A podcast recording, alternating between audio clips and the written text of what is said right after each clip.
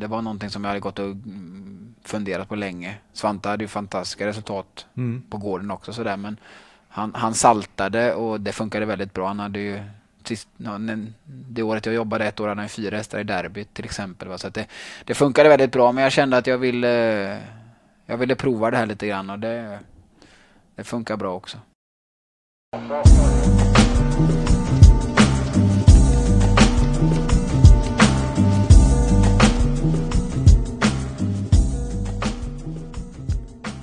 Ja, vad är det för förändring som Wäjersten gjort? Att det funkar bra är ett understatement. För han har bara varit tränare i lite drygt fyra år, men Daniel Wäjersten har redan etablerat sig som kungen av Bergsåker. En position som tidigare varit en dragkamp mellan Åke Svanstedt, Robert Berg och Svante Båth. Det är nog inte frågan om Daniel Wäjersten kommer att nå nämnda tränares framgångar, utan när. Häng med hem till Sveriges hetaste travtränare. Dimman och regnet låg tät över gården Solum, men jag tror att jag såg tillräckligt för att förstå. Du lyssnar på Träningsbiten, en podd om travträning där jag, Kasper Hedberg, besöker olika travtränare och hänger med dem en träningsdag i stallet för att sen kunna känna dem på pulsen om just deras träningsupplägg. I detta avsnitt får ni möta Daniel Wäjersten.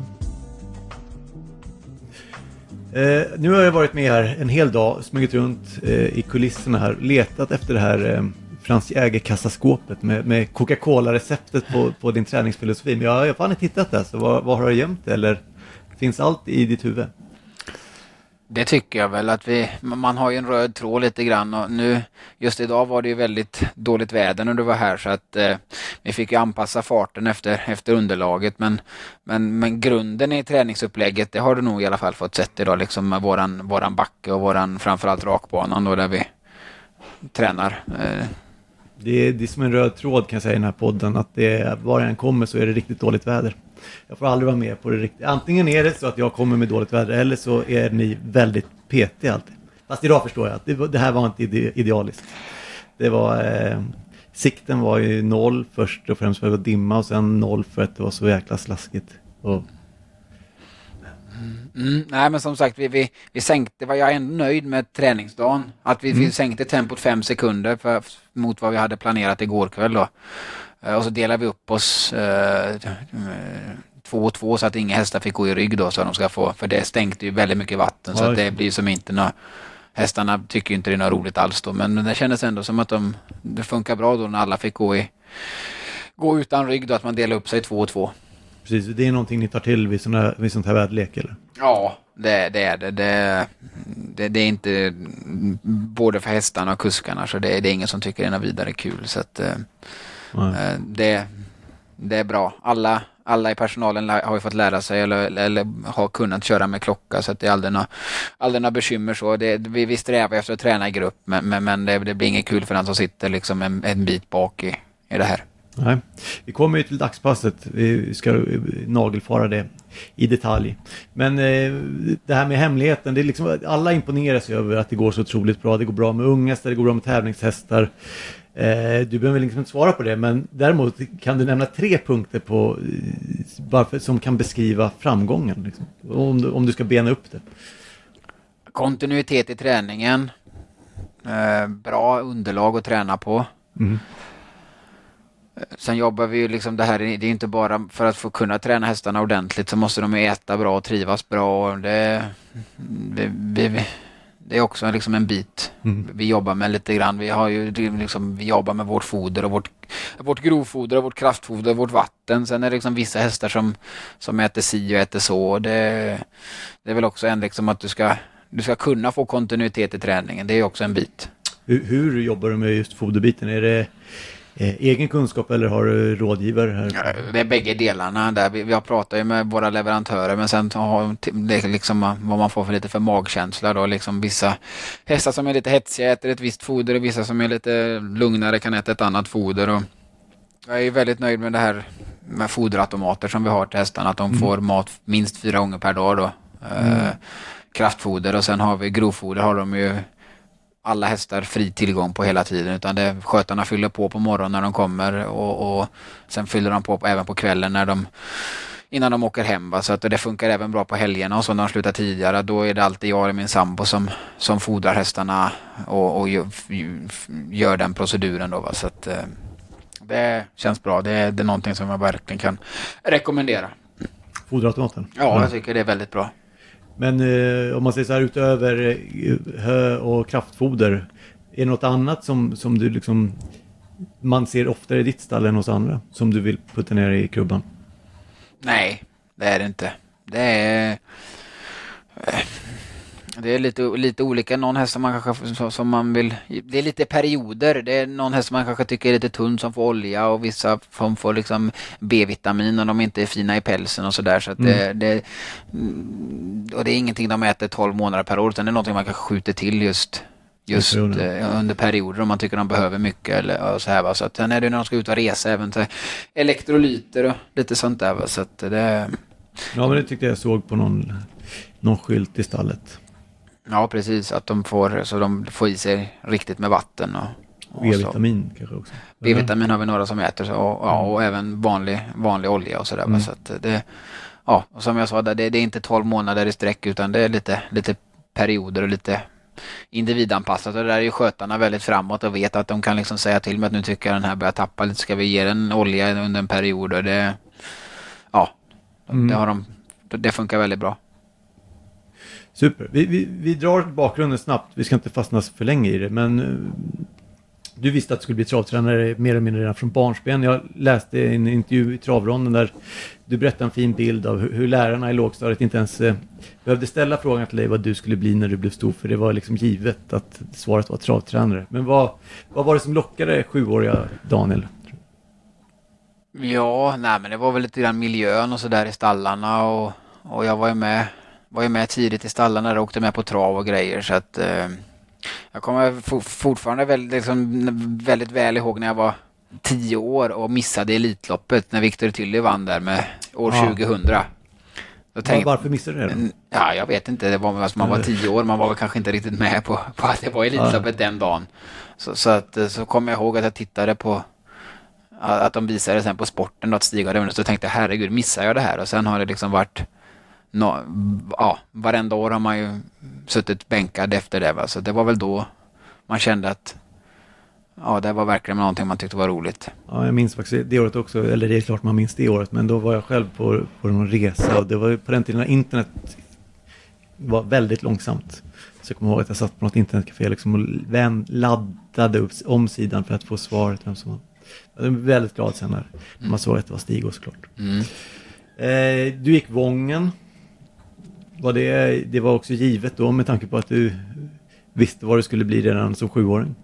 Ja, det kändes som att skulle jag gå någon utbildning så var det det och det var ju väldigt ja, först och främst var det väldigt bra utbildning men sen så är det ju väldigt bra för ens och ha en gymnasieutbildning också. Det, mm. det, är liksom, det, det, ser ju så ut i samhället idag att man går gymnasiet. Va? Så att, eh, jag kände att jag behövde, behövde hitta någon gymnasium jag skulle gå och hade lite olika alternativ men det kom in på Vången då så att då Ja, det kändes bra. Det var många, många likasinnade i, som gick i skolan där och många roliga man lärde känna. Va? Så att eh, det är ingenting jag ångrar. Nej. Eh, när var det du var klar där? Kommer ihåg vilket år? 2008 gick jag ut.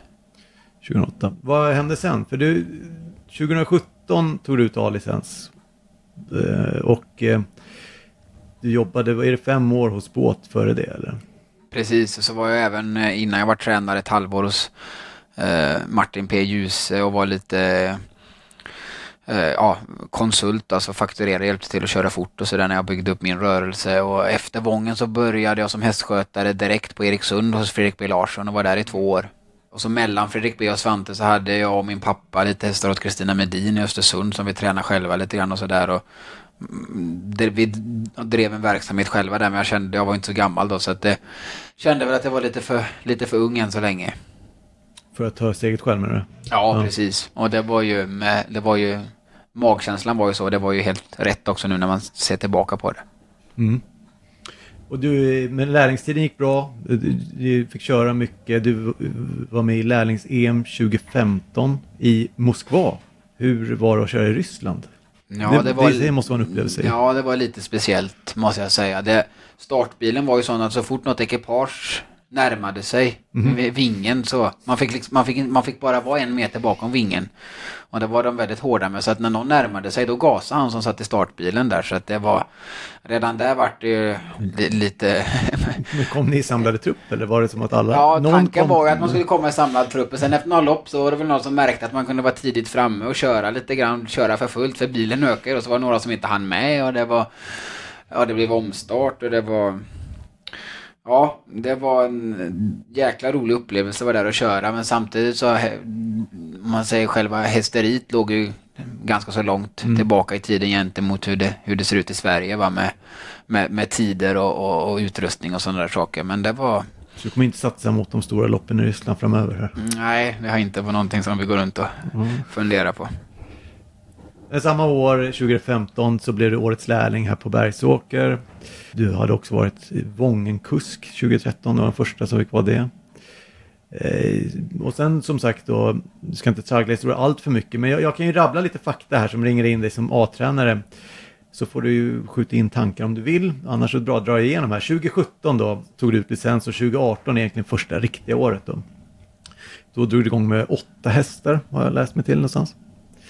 Eh, du hade ju tidigt framgångar med hästar som Unique Findings och Global Well-Off och idag är du ju egentligen bara inne på ditt fjärde år då, som A-tränare hela år. Och nu har du levlat upp till 88 hästar på listan och vad jag förstått så är ju det antalet egentligen inte helt korrekt heller. Det Nej, vi har ju även lite, lite unghästar och utplacerar oss lite andra tränare för, Mm. för stunden. Så det, det, är, det, är några, det är några unghästar till, några ettåringar. Så det är en enorm utveckling på de här åren. Segerprocenten ligger i år på 25 procent och det har den ju gjort alltså alla år sedan 2018 egentligen. Eh, 25-26 procent. Platsprocenten över 50. Det är ju, känns ju smått unikt. Alltså att du, mer än vartannat lopp så är du med i slutstriden mer eller mindre. Med egen tränarhästar. hästar. Just nu ligger du på 13 plats i Allsvenska Körsvensligan. Och eh, kollar man vilka som ligger framför dig så är det bara tre stycken som är tränare också och inte bara kuskar. Eh, tar dem på rak arm. Ja, det är ju Johan Untersteiner, Robert Berg. Sen den, ja, den tredje tar. Men det, han är så given så att det, man kanske glömmer bort honom. Goop såklart. Ja, självklart. Så- självklart. I dagsläget så har du 98 segrar både som kusk och tränare. Så att eh, väldigt snart så kommer du passera den här magiska 100-gränsen och likaså så tror jag stallet ligger på 9,6-7 miljoner någonstans. Så att väldigt snart går det över 10 miljoners gränsen också. Alla de här siffrorna som jag rabblade upp nu, så är det här någonting du har koll på? Jag följer det, det är klart jag gör. Alltså man vill ju... Man vill Är det ju da daglig uppdatering? Nej, det kan jag inte säga.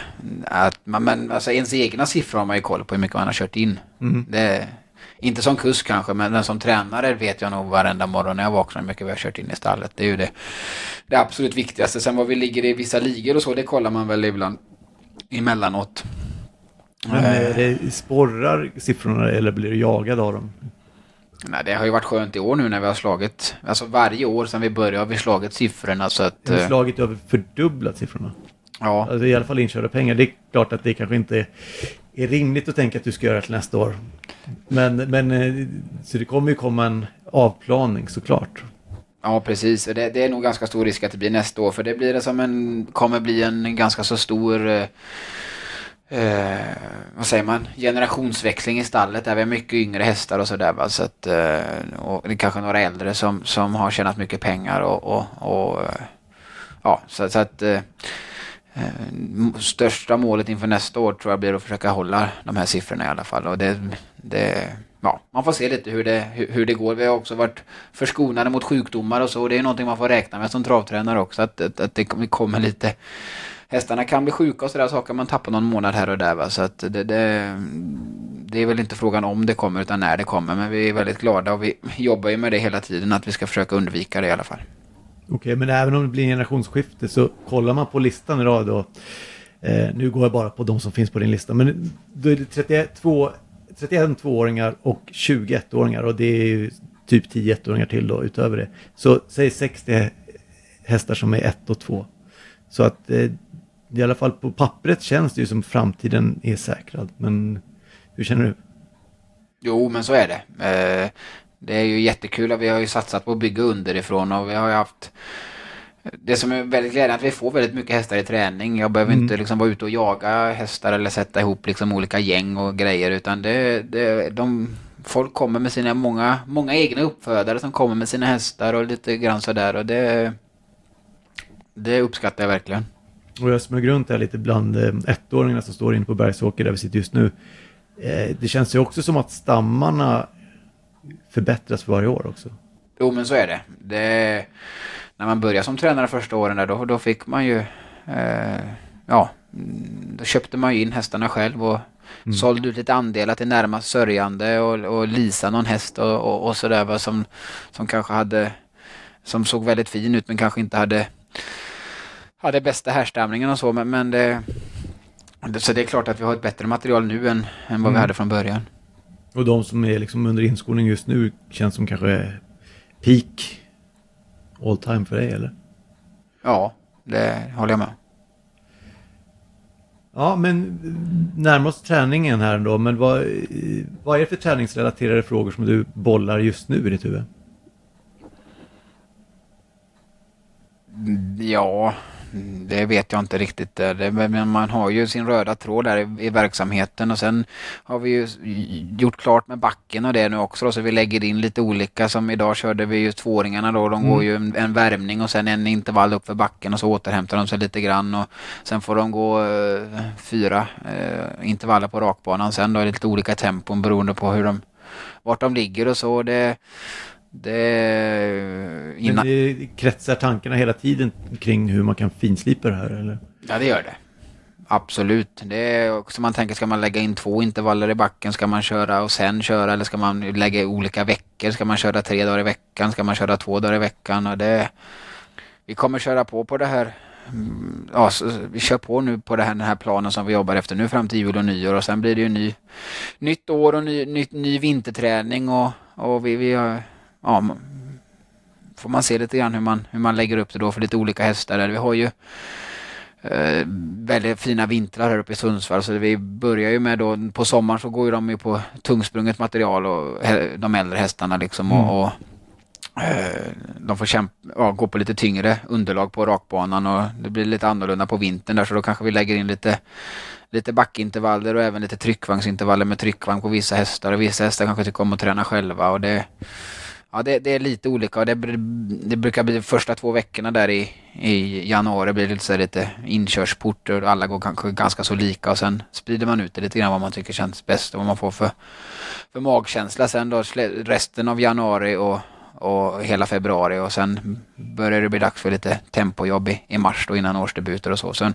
kommer vi även hålla igång lite hästar i, här i vinter. Va, så att... Så i vinter den tiden du måste vara som mest kreativ, liksom, när underlaget inte alltid är perfekt? Nej, men det, det är lite tvärtom. att det är Blir det vinter och, och snön kommer så har vi alltid bra underlag och sam, mm. framförallt så har vi samma underlag att träna på så då vet man hur man kan lägga upp det liksom längre fram. Uh, det, och sen även Sen blir det ju vår väldigt fort här uppe och, och, och sommaren är ju inga problem heller. Så att uh, den mest kritiska perioden det är ju nu uh, november. Mm. November månad som, som det svajar väldigt mycket runt noll då, som man måste vara mest med i matchen och, och eh, det blir minusgrader och det regnar och man får gå upp på nätterna och harva banor så att det, det är en viktig tid nu, sista delen här på året. Men idag var det väl typ Göteborgsväder så du borde väl ändå trivas?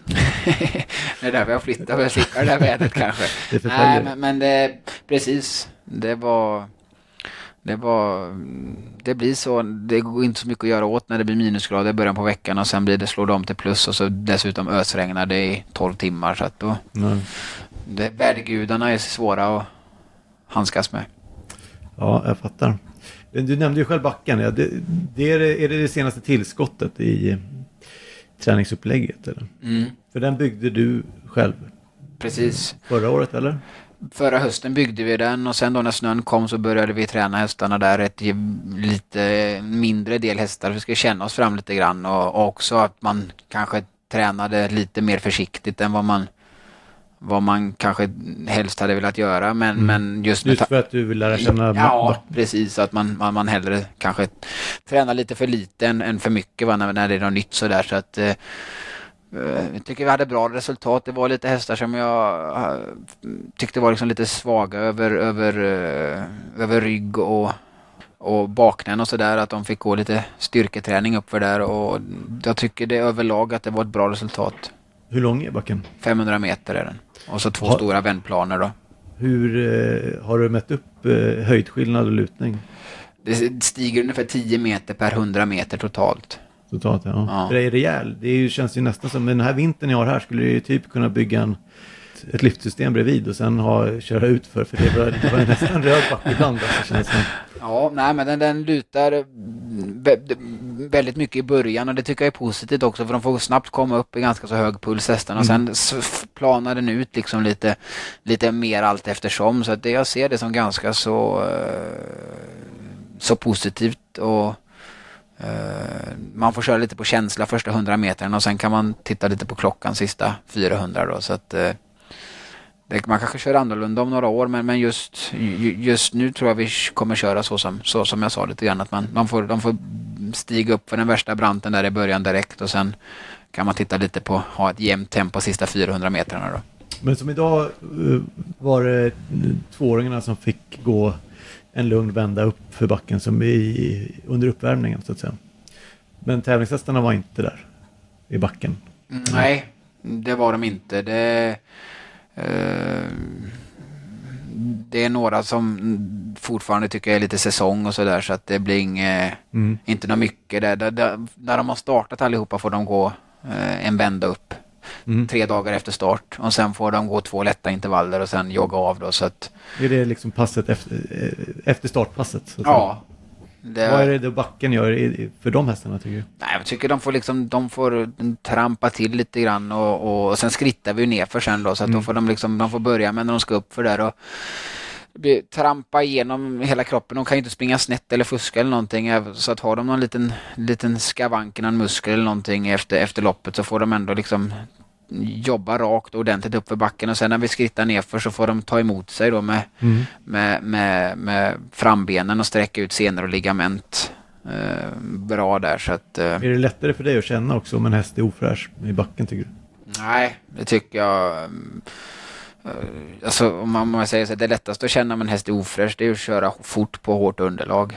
Mm. Så att... Eh, det, har, har du då, det, det gör du väl sällan här hemma eller? Nej, precis. Så att... Eh, eh, alltid två dagar före start så går de ju på, om man säger tävlingsbaneunderlag, mina hästar i alla fall, för det mesta. Generellt sett. Då drar du till rakbanan? Ja, så den är relativt, den är som en tävlingsbana. Mm. Och så får de gå fyra intervaller där och så då brukar man få man brukar kunna få en ganska så bra fingervisning på hur det, om hästen kommer göra en sämre prestation eller en normal prestation eller en riktigt bra prestation eller ja, eller sämre prestation då rent av kanske man, då stryker man ju hästen va. Eh, Men, men eh, sen är det nå- någon häst som kanske kan man, inte är 100% nöjd med som ändå värmer bra och ändå Mm. gör det okej va. Men, men det, jag tycker det där jobbet två dagar före då när de går på den här lite normalare banan där, det man får en ganska så bra fingervisning. Mm.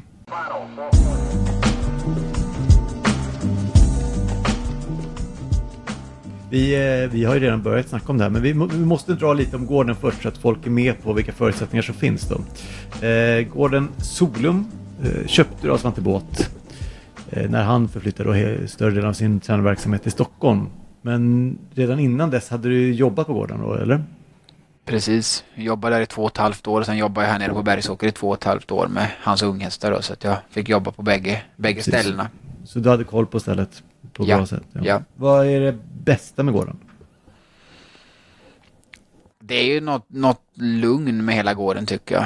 Det, det, hästarna, hästarna trivs väldigt bra. Det var väl också en, en av anledningarna till att man köpte gården. Att det är väldigt lite sjukdomar tycker jag under de åren Mm. när jag var där. Ja, små, det är ju, finns stall med fyra boxar, det finns stall med tolv boxar, inga större stall. Så det är väldigt mycket avdelningar och det känns som att det, hästarna trivs bra med det, att det är lite uppdelat.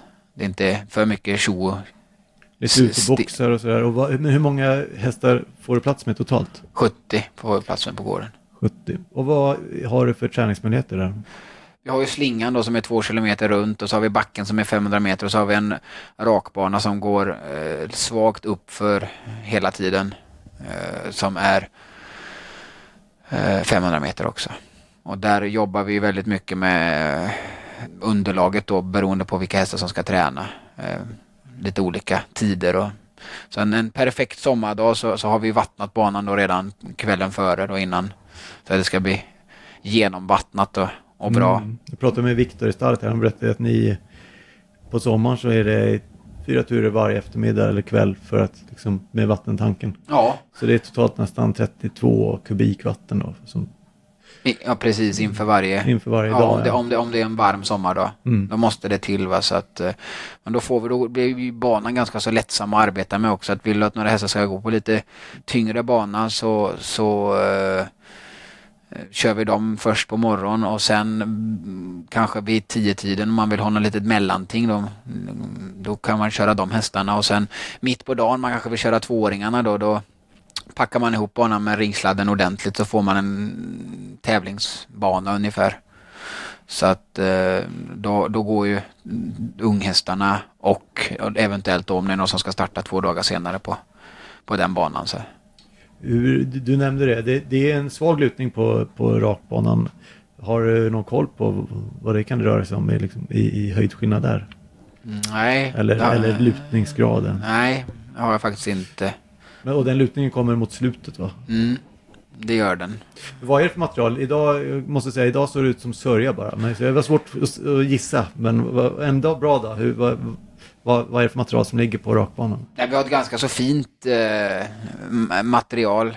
Det är lättsamt att jobba med, brukar tåla regn bra men som sagt nu blev det de här så mycket regn så att då, då, då blev det så här men det...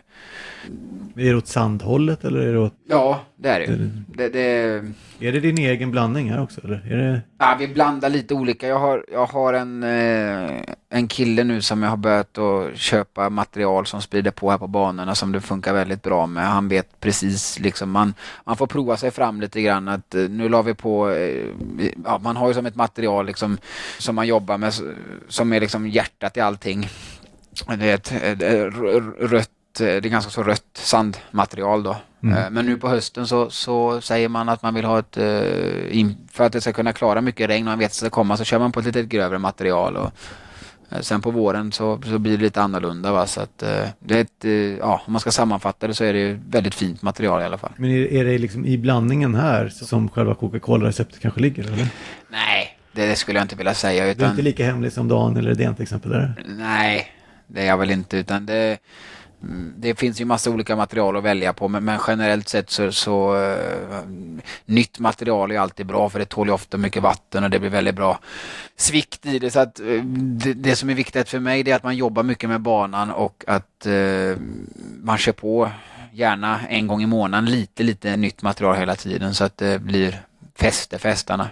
Okay, så det är liksom en det, ständigt pågående process? Ja, det är viktigt att, man, viktigt att man hela tiden kör på lite grann. För att när du håller på att harva mycket och, och hästarna det så det blir ju, det slås ju sönder och det här eftersom vi har ett ganska så fint material så måste vi köra på med, med jämna mellanrum ganska så ofta då. Så då, då funkar det bra. Annars så blir det, börjar det tåla regn dåligt och, och, och sådär. Så att, eh, jag vill inte ha det här grövre utan jag tycker det funkar fint med det här vi har. Men sen eh, på slingan och på backen, är det samma material som du har där? Där har du ju, det kunde jag faktiskt se, ett, ett asfaltskross.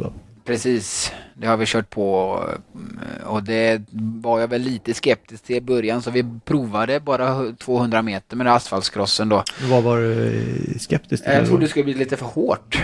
Men mm. man märker när man jobbar med det att bara man river lite grann så blir det jättebra spänst och svikt i det. Så att Vad är det största fördelen med asfaltskrossen? Mm, det, det tål ju vatten väldigt bra. Mm.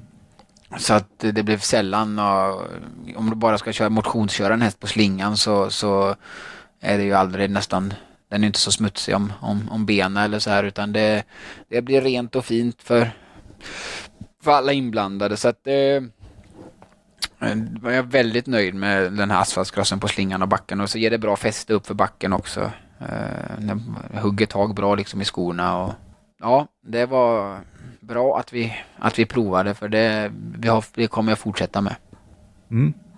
Jo, det här, vi, återigen till rakan, det glömde jag fråga. En, en fin sommardag där när du har kunnat vattna på så mycket du vill och du ska ut med starthästar som verkligen kan gå i en djupbana. Hur, hur djup harvar du banan då ungefär? Ja, det är svårt att säga lite grann men, men det blir ju rejäla hovtramp efter liksom. Vi har ju en, vi kör ner harven eh, så att den liksom får gå i botten då. Så kör man en två, tre gånger fram och tillbaka på, på banan. Sen, vad ska jag säga, man får gå lite på känsla sådär också. Man, man vet mm. ungefär hur det, hur det har känts turen före och då kanske man tycker att nej, man kanske bara harvade lite, lite för mycket så då jämnar man bara till banan så blir den perfekt till, till, till nästa tur och sådär. Så att det, man får man får prova sig fram lite grann. Mm. Så det är inget just att idag harvar vi så och så många centimeter och så utan det... Det är din känsla som ja, avgör? Ja, och där kan man anpassa farten lite grann också. Tycker man att det blir lite, lite för mycket så drar man ner på tempo två och en halv sekund bara så blir det, det där passet blir ändå liksom perfekt. Va? Så att det blir, det gäller att vara steget före och vara lyhörd hela tiden.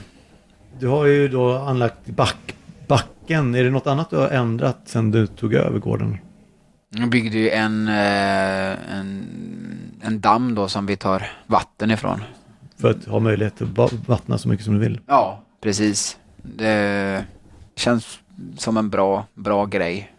Det var någonting som jag hade gått och mm, funderat på länge. Svante hade ju fantastiska resultat mm. på gården också sådär men han, han saltade och det funkade väldigt bra. Han hade ju sist, det året jag jobbade ett år hade han fyra hästar i derbyt till exempel. Va? Så det, det funkade väldigt bra men jag kände att jag ville, jag ville prova det här lite grann och det, det funkar bra också.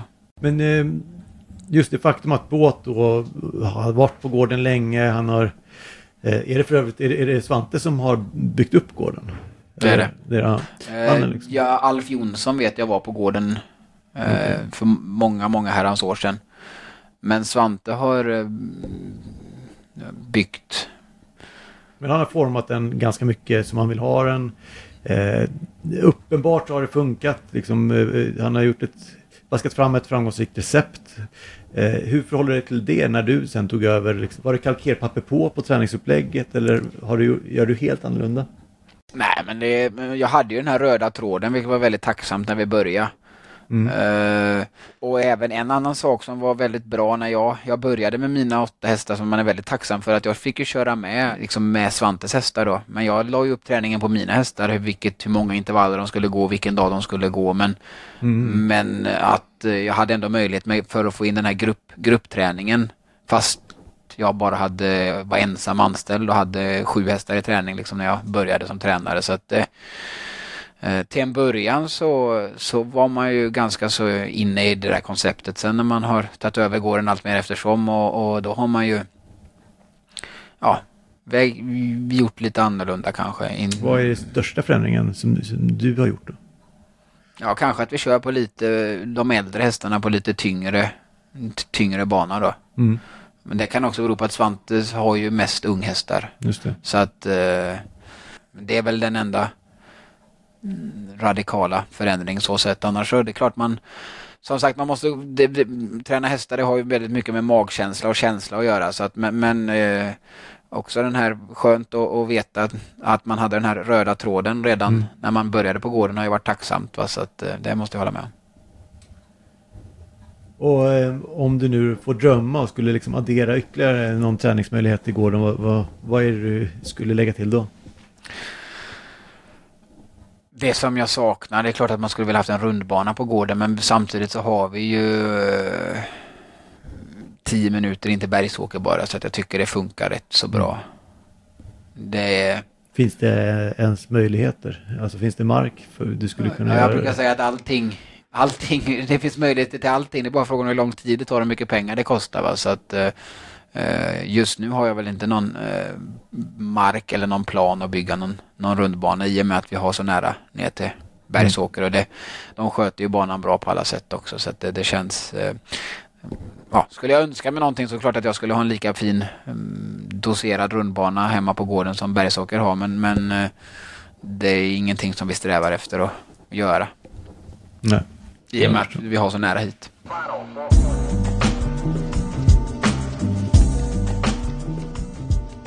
Vi har snuddat vid det flera gånger redan, men nu tar vi och dyker djupt ner i sanden för att kolla in hur dagspasset ser ut.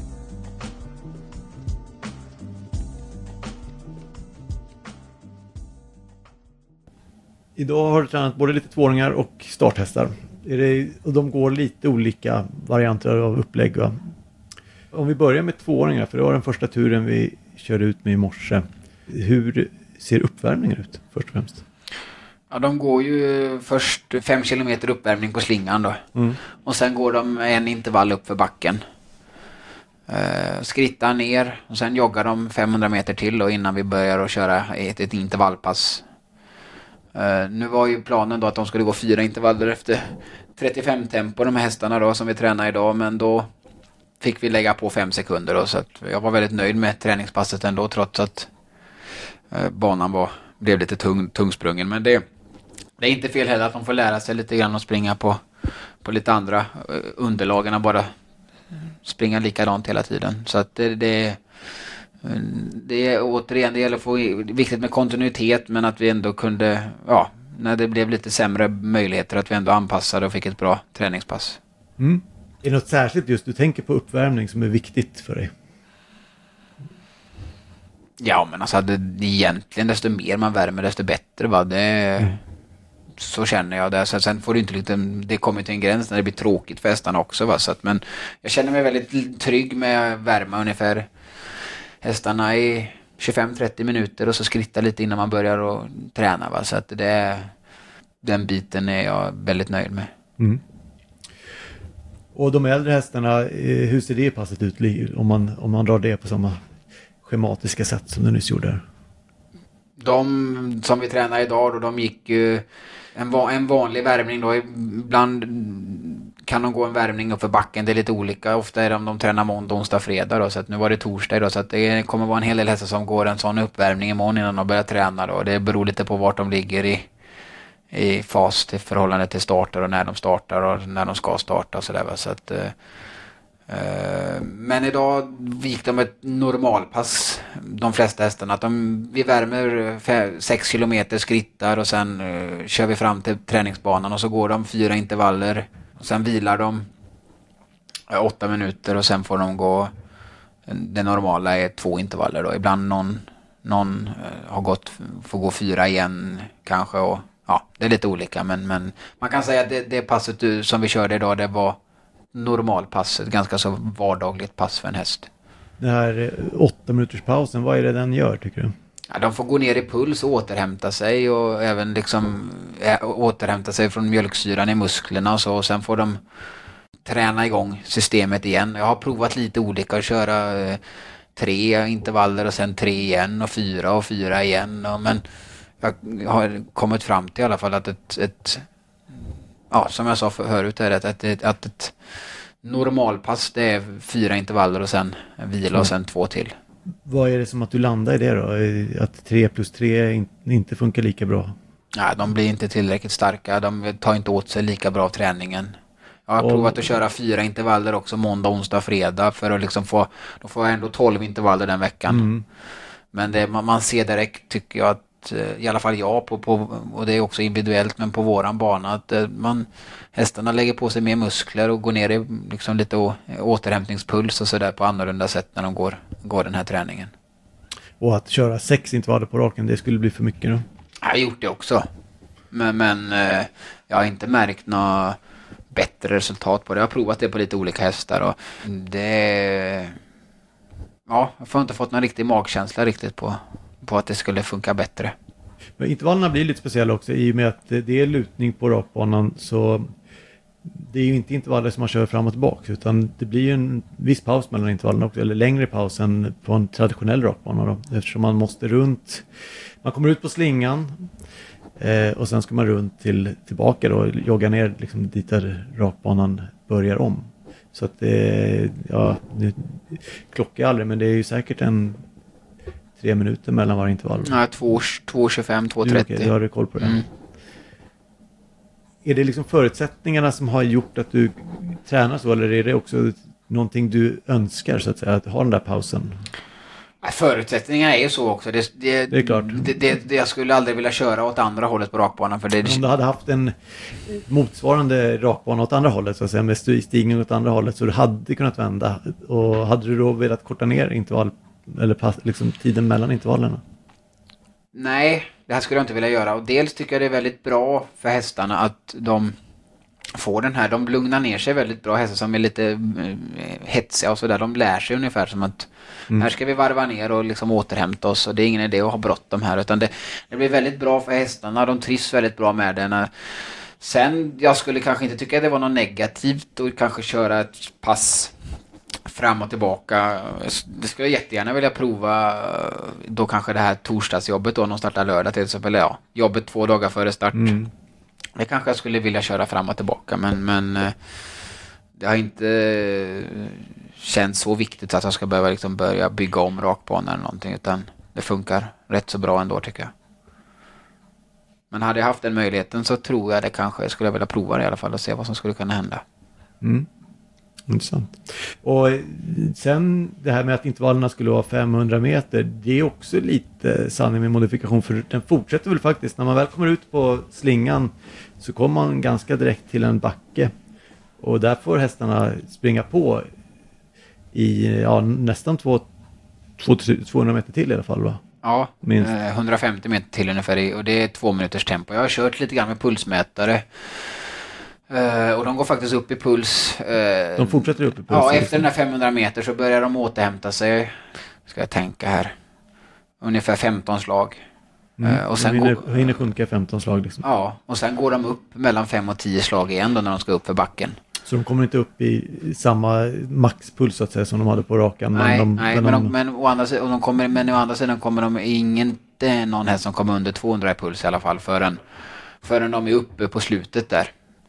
Eh, det är också en framgångsfaktor tycker jag i, i, mm. i, i hela, hela upplägget att vi har den där eh, stigningen efteråt där. Så att även fast vi kör 500 eh, meter då, ungefär i, i 30 tempo, vilket är 45 sekunder, så har vi ju ändå kanske pulsen uppe i 60 sekunder då. Även fast mm. vi inte mm. sitter och har exakt stenpål på, på, på klockan eller så. Eh, men att, men att eh, de ligger på ganska hög puls ungefär i en minut. Det känns också ganska så lämpligt. Du nämnde att du hade testat att köra med pulsklocka. Hur ofta lägger du på en pulsklocka under jobben? Det var ganska så mycket i början där när man började på gården. Mm. Man ville se lite grann men det jag tycker man har lite svårt att få en riktig...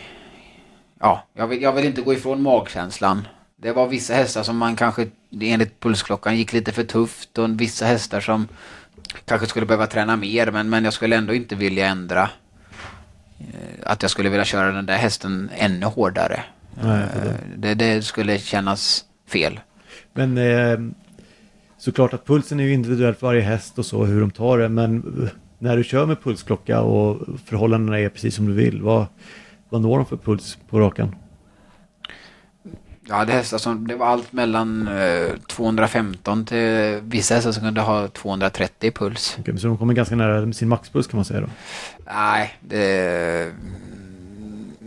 Vi, vi, te, vi testade inte maxpuls. Vi hade ju liksom inte den klockan när vi körde jobb heller så jag visste vad de hade för maxpuls. Men, men, men de här hästarna som som eh, låg väldigt högt i puls. Det var ändå inte att de var några sämre hästar på något sätt utan jag tyckte det var mm. två ganska så, vad ska man säga, riktigt fina starthästar. Inga medelmått, alltså lite bättre än medelmått va så att eh, jag skulle inte heller vilja träna mindre med dem då som låg, låg så högt i, under själva passet utan det kändes ändå rätt så, rätt så bra. Nej, jag fattar.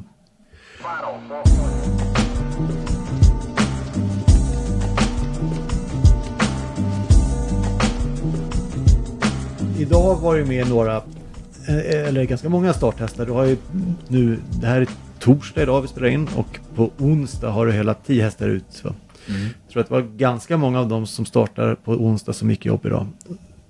Eh, hur ser tiden fram till start ut för dem nu?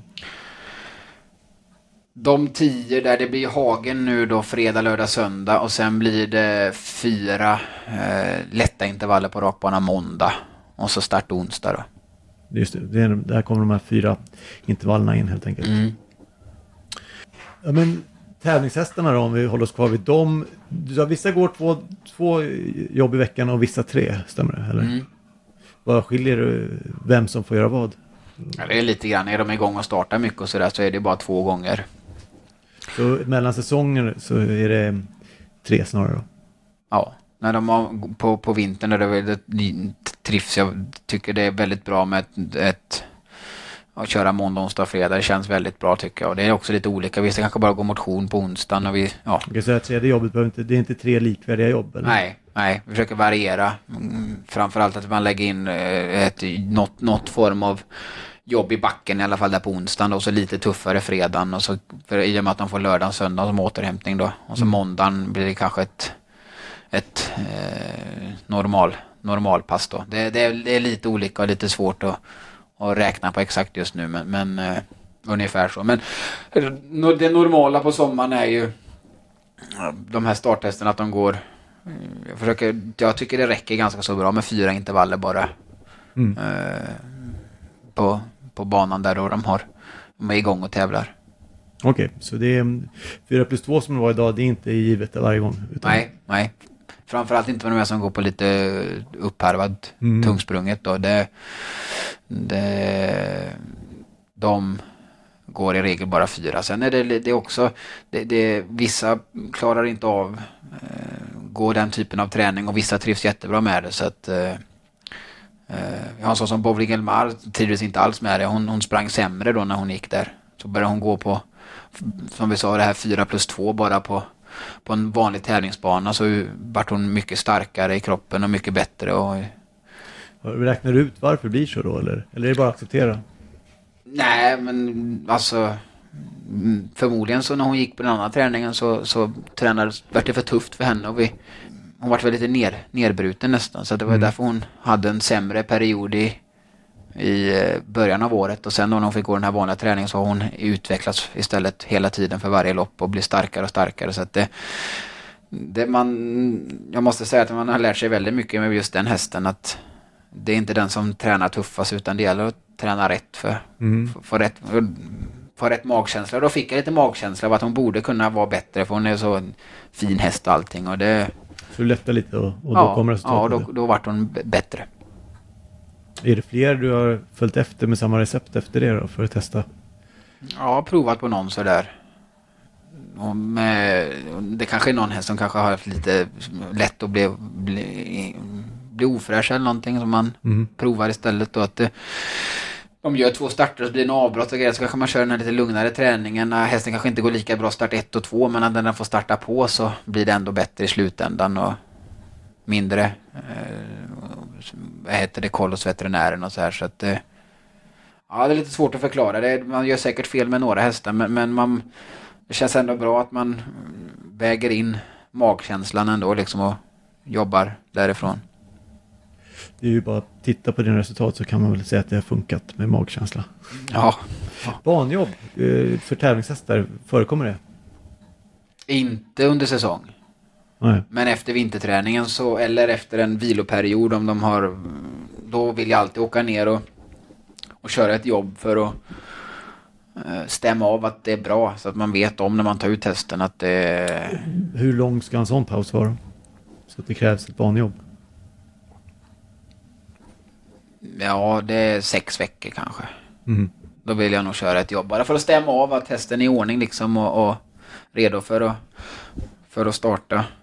Brukar, är det 2000 meters hit eller vad? Ja, vi brukar köra 18 2000 meter med starthästarna. Gör de det på, på liksom ett bra sätt så är de i regel och har tränat på hemma bra så är de ju redo för mm. start. Mm. Sen kan det vara vissa hästar som man kanske känner att, att eh, nej men vi tar det här loppet nu så diskuterar man, pratar man lite med ägaren också och säger att nu har hästen inte fått någon banjobb, att den har ett väldigt bra lopp här på hemmaplan nästa vecka. Vi tar ut den där och kör lite på chans liksom att, att vi ändå inte har det där, att den är behov av lopp mm. i kroppen. Det är också man kan väga in. Men, men ska man liksom åka ner och starta på Solvalla eller någonting där det är hård konkurrens då vill jag ju alltid att de ska ha ett jobb i, innanför västen så att säga efter en längre vilopaus. Precis. Och tvååringarna, där kan jag tänka mig att barnjobben är lite mer frekventa på ett annat sätt kanske? Det lägger vi in hela tiden. Det är väldigt individanpassat. Vissa som kan vara lite mm, besvärliga och vill springa hem och sådär när man är nere och kör första gången. De, de försöker vi lägga in liksom var 14 dag till man känner att det, de sköter sig på bra sätt så att de inte har hemlängtan vid utgångarna eller är rädd för reklamplank och grejer. Så att det, det är kanske vissa av våra tvååringar som har varit nere tre gånger bara. Mm. Fast de springer ändå liksom 23-24 nu på bra sätt här på hösten som, som tvååring. Och, Eh, så har vi kanske vissa som har varit nere eh, sex gånger och nu springer de 23-24. Så att det, mm, det är vad de behöver. Eh, ja, det, där känner man att det, det, vi tittar, stirrar sig inte jättemycket blinda på klockan när vi är nere med unghästarna utan det viktiga är att de springer rakt och, och sköter sig och får gå i svängarna och lära sig lite kurvteknik och så. Sen nu här i november så tror jag vi kommer kanske köra några, några lite tuffare jobb och vill gärna jobba ner dem på några 22 i alla fall.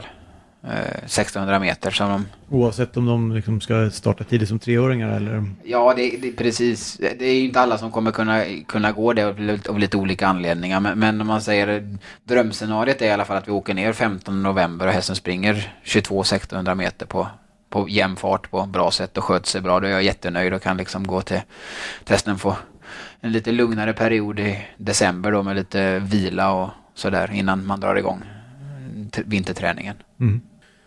Men om du stöter på något problem då? Du, du verkar grunna mycket på hur du kan förbättra saker och ting. Men eh, har du någon du bollar med? Tankar och idéer? Nej, det tror jag inte. Sen är man ju väldigt lyhörd och man har varit runt väldigt mycket och kollat och man... Ja, det får jag väl lov att säga, det är ju veterinären då man bollar med. Mm. Där kan det bli... Ja, där har man ju ibland lite olika syn och sådär. Men, men det är väl först och främst om man tycker man har ett problem. Men har, du har ett, så har du ett bra samarbete med veterinär? Ja, det funkar jättebra. Eh, vi använder oss här av kliniken på Bergsåker. Och det är jättenöjd med det samarbetet. De erbjuder även liksom operationer och ja, det är hela paketet tycker jag. Så mm. det, det känns jättebra. Och du sa att du, du är lyhörd och så här. Hur, hur funkar ditt liksom, informationssökande? Ja, man, man tittar ju lite grann, alltså man sneglar ju alltid på de bästa tränarna lite grann. Hur, mm. Händer att du frågar om någonting konkret också? Det kan jag nog göra av de här lite, lite äldre som man har känt i sen man var många år tillbaka och fråga lite med blodvärden och lite grann sådana där saker och kanske lite om hästarna springer snett och mm. ja det det är väl några sådär som man kan bolla de idéerna med som, som även fast de är konkurrenter tror jag tycker det är lite roligt att, att förklara för oss som är lite yngre i alla fall. Ja, det känns väl som att det är i, i bransch, branschen är väldigt öppen på så sätt. Det är min känsla. Ja, men det tycker jag. Det, det, vi, hade ju, vi har ju som till exempel då Global där som har varit, väldigt bra häst som inte funkar alls här i våras. Så då tog man ju till sig och pratade med massa olika människor och försökte göra någonting bra men... Var det något konkret ja, du det... minns från det, liksom, det, någon du pratade med som kom med något bra? Nej, jag pratade med väldigt många men, men det, det, det, det var ju lite olika saker och ting men, men, men det, det grundade väl sig att man skulle försöka hitta något fel och det slutade med att vi då körde hästen och, och provade lägga lite bedövningar och grejer på banan och då fann vi ut att mm. det sprang mycket bättre när vi bedövade höger bakkota. Uh, och då hade han en benbit där som störde han då som av någon konstig anledning inte visade sig när vi liksom på böjprov eller någonting. Mm. Uh, och, den biten fanns inte där när han var unghäst. Okay. Så att uh, det fanns det bilder på att det inte inte var. Så att, den tog vi bort och han kom ju tillbaka väldigt bra. Han kanske inte, man kanske hade önskat att han hade tjänat lite, mycket lite mer pengar i år. Men å andra sidan så han var med i både Europaderbyt och Svensk Travderby. Så att, och uppföringslöpning som tvååring. Ja. Han har ju varit med där uppe i toppen. Precis, när han lyckades vinna långa E3 trots att det, det kändes ungefär i den vevan där att det började krångla lite grann. Va? Så mm. att han väldigt hög potential och väldigt, ja, väldigt bra häst tycker jag. Han, det kändes tidigt också att det var, det var något extra. Så det var kul att han har fått den där e, E3-segern med att han har vunnit ett grupp 1-lopp. Nästa år blir han fem. Vad, tror han kommer växa in i den eh, yttersta eliten då? Kanske inte yppersta eliten, men jag tror han kommer tjäna väldigt fina pengar. Sen vet man aldrig, man får se dem utvecklas. Men eh, får vi han att höja sig en nivå till så, eh, så kommer han vara med och tjäna fina pengar i alla fall. Och det, för mig, jag kommer ju alltid vara väldigt nöjd med det han har uträttat. Så resten är ju lite grann av en, av en bonus. Mm. Men jag ser det ändå som att det kommer kunna bli en riktigt trevlig starthäst. Det kanske blir svårt att, som vi säger, vara med ypperst där lite. Men att han ska tjäna fina pengar, att vi ska få glädje av honom några år framöver här, det är jag helt övertygad om. Någon annan häst i stallet som vi ska hålla ögonen på framöver här då? Ja, vi har många, många bra hästar så att det, det är ingen som jag vill lyfta fram på något sätt så. Men det är ju de här som har startat på V75 de sista veckorna som jag hoppas att ska fortsätta utvecklas och höra ifrån sig lite grann. Jag fick ju köra där i Il Duce Bocco sista turen. Då kan jag ju säga, den, den kommer jag i alla fall bevaka när han kommer dyka upp på banorna framöver.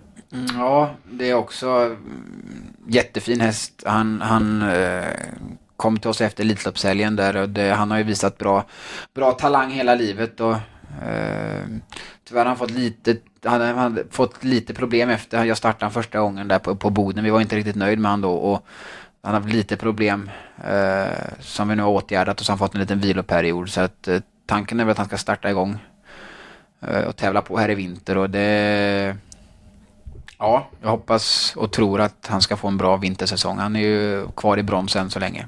Mm. Det känns som att han kan ha en bit kvar till sitt tak. Mm.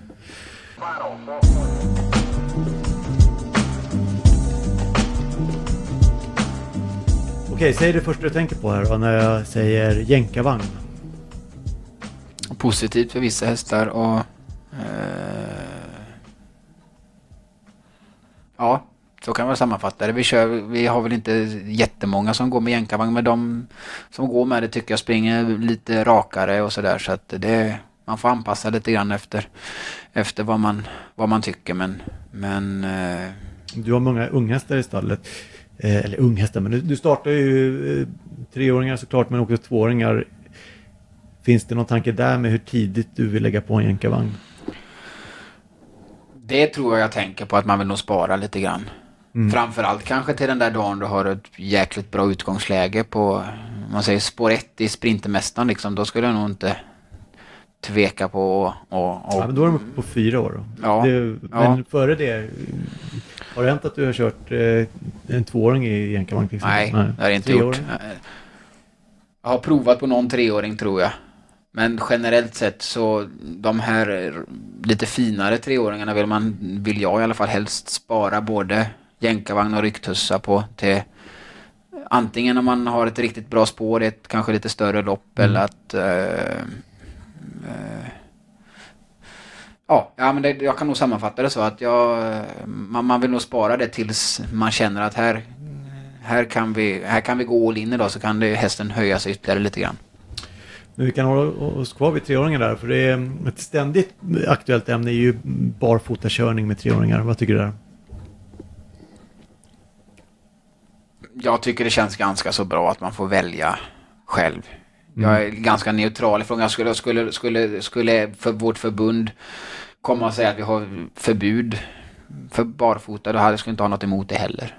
Men jag tycker det känns ganska så bra att man får välja nu lite grann hur man, hur man vill göra. Jag har inget, inget Du emot kommer i alla det. fall inte gå i bräschen för, för att införa ett förbud, ja, så kan man säga. Nej, nej. Å, å andra sidan så jag hade inte haft något emot det heller. Men, men eh, ja, vi sammanfattar det som att jag tycker det känns ganska så... Det känns bra för mig att man får välja. Körspö är också alltid en het potatis. Det kommer ju ständigt nya regler och nu blir det ju även nyare stenhårda regler här vilket jag tycker är bra. Från Jag först... tänker, du är ändå känd som kusken som sitter still, så att säga. Ja, det man, man känner... Man, det är väl tillbaka lite grann där på känslan då, att man tycker att hästen går där den kan. Mm. Så det... Men om man säger så här, om man skulle tillåta att ha körspö men totalt förbjuda maningar, skulle du skriva under på det då? Alltså det, det, det här med... På något sätt måste man ändå få liksom tillrättavisa hästen att den ska öka på nu. Så att... Mm. De här reglerna som kommer komma nu, jag tror det kommer bli ganska så bra här ifrån första januari. Att det, man, man har med körspöet och man, man har det liksom för att korrigera. Man har mer alltså att korrigera hästen och öka än att, än att mana hästen att öka. Mm. Om jag har fattat det, det rätt att det, det kommer att bli så. Det, har jag inte heller någonting. Tycker det känns ganska så bra eh, att det blir så. Och sen tycker jag också att vi ska vara ganska så stolta över hur det ser ut på våra travbanor i Sverige. Det, det ser och är väldigt vårdat ut i jämförelse med vissa andra länder. Mm. Och det, vi ligger före många andra länder och det tycker jag är väldigt bra i den frågan. Vad tycker du om lösdrift? Det är ingenting som jag har anammat. Jag har ingenting emot att kanske vid vissa tillfällen nästan ute på nätterna eller om vädret är bra eller, eller men jag vill ha att varje skötare ska ha ganska så bra kontroll och kunna se små förändringar om hästen äter mer eller mindre eller eller sådär så att det när du ser att det går bra för tränare som Per Nordström och sådär, också med ungesttävlande, det, då, du blir inte mer lockad då? Nej, det blir jag inte. Alltså jag, det funkar för honom på, på, så som han har byggt upp det och det, han har fantastiska resultat men eh, det kanske hade gått lika bra även om han haft dem inne. Men, men som sagt, han har fantastiska resultat på det. Jag har sett bilder och reportage på det och det ser jättefint ut. Så att, men det, man kan väl sammanfatta det så som att det är ingenting för mig i alla fall. Nej. Sundsvall eller Göteborg då? Sundsvall. Sundsvall, den var enkel. ja. Okej, sista frågan. Vem i travets värld skulle du vilja höra prata om träning? Då skulle jag nog i så fall säga Timo Normos. Timo Normos, ja. Vad, eh, om du får skicka med en fråga, vad skulle du ställa då? Ja, det vet jag inte. Nej, den är svår. Är, man vill veta allt där Ja, jag har försökt, jag har försökt känna att jag har suttit bredvid Timo någon gång och försökt få lite frågor, haft lite frågor men det han, han är inte så lätt att få något ur, något konkret. Nej, precis. Han svarar men efteråt så inser man vad var han svarade egentligen. Mm, lite grann så. Vi var där, jag och Viktor Lyck, vi var där och körde hosan när vi var på våran gamla gård där. Det tyckte jag var väldigt lärorikt och roligt när vi hade semester. Vi var där och körde mm. två, två dagar så att... Eh... Ja, men då fick du kanske ändå en liten inblick i uh, hans upplägg så att säga. Ja, nu är han på ett nytt ställe och hans okay, hästar... när han var på Fituna? Ja, ja, nu, hans hästar, nu är han på ett nytt ställe och det känns som att han går ju bättre än någonsin. Va? Så att, nej men jag tycker det, han är en... Det ska vara kul att höra lite grann. Det är väl ja. någon av de här topp fem i Sverige som ska vara kul att höra i så fall. Ja, jag var där någon gång och fotade Real Express inför Elitloppet och då gick han ett pass. Och eftersom han är nyfiken så frågade jag Timo det så här, men eh, är, ja, är det här ett rutinpass då? Och så det, han tittade bara på mig och sa det finns inga rutinpass. Så långt kom man liksom. Det var jättesvårt att få mer info kände jag. Men han, är jätte, han svarar alltid väldigt snällt. Men det är väl mer det här, han svarar på Nurmo-sättet så man aldrig riktigt får ett svar ändå kanske.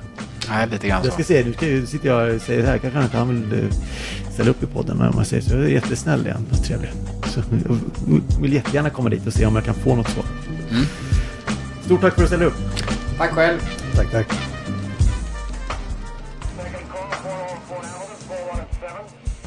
Du har lyssnat på podden Träningsbiten. På webbsidan www.traningsbiten.se hittar du mer information och fler avsnitt. Och skicka gärna en hälsning till mig, Kasper Hedberg, på hej traningsbiten.se.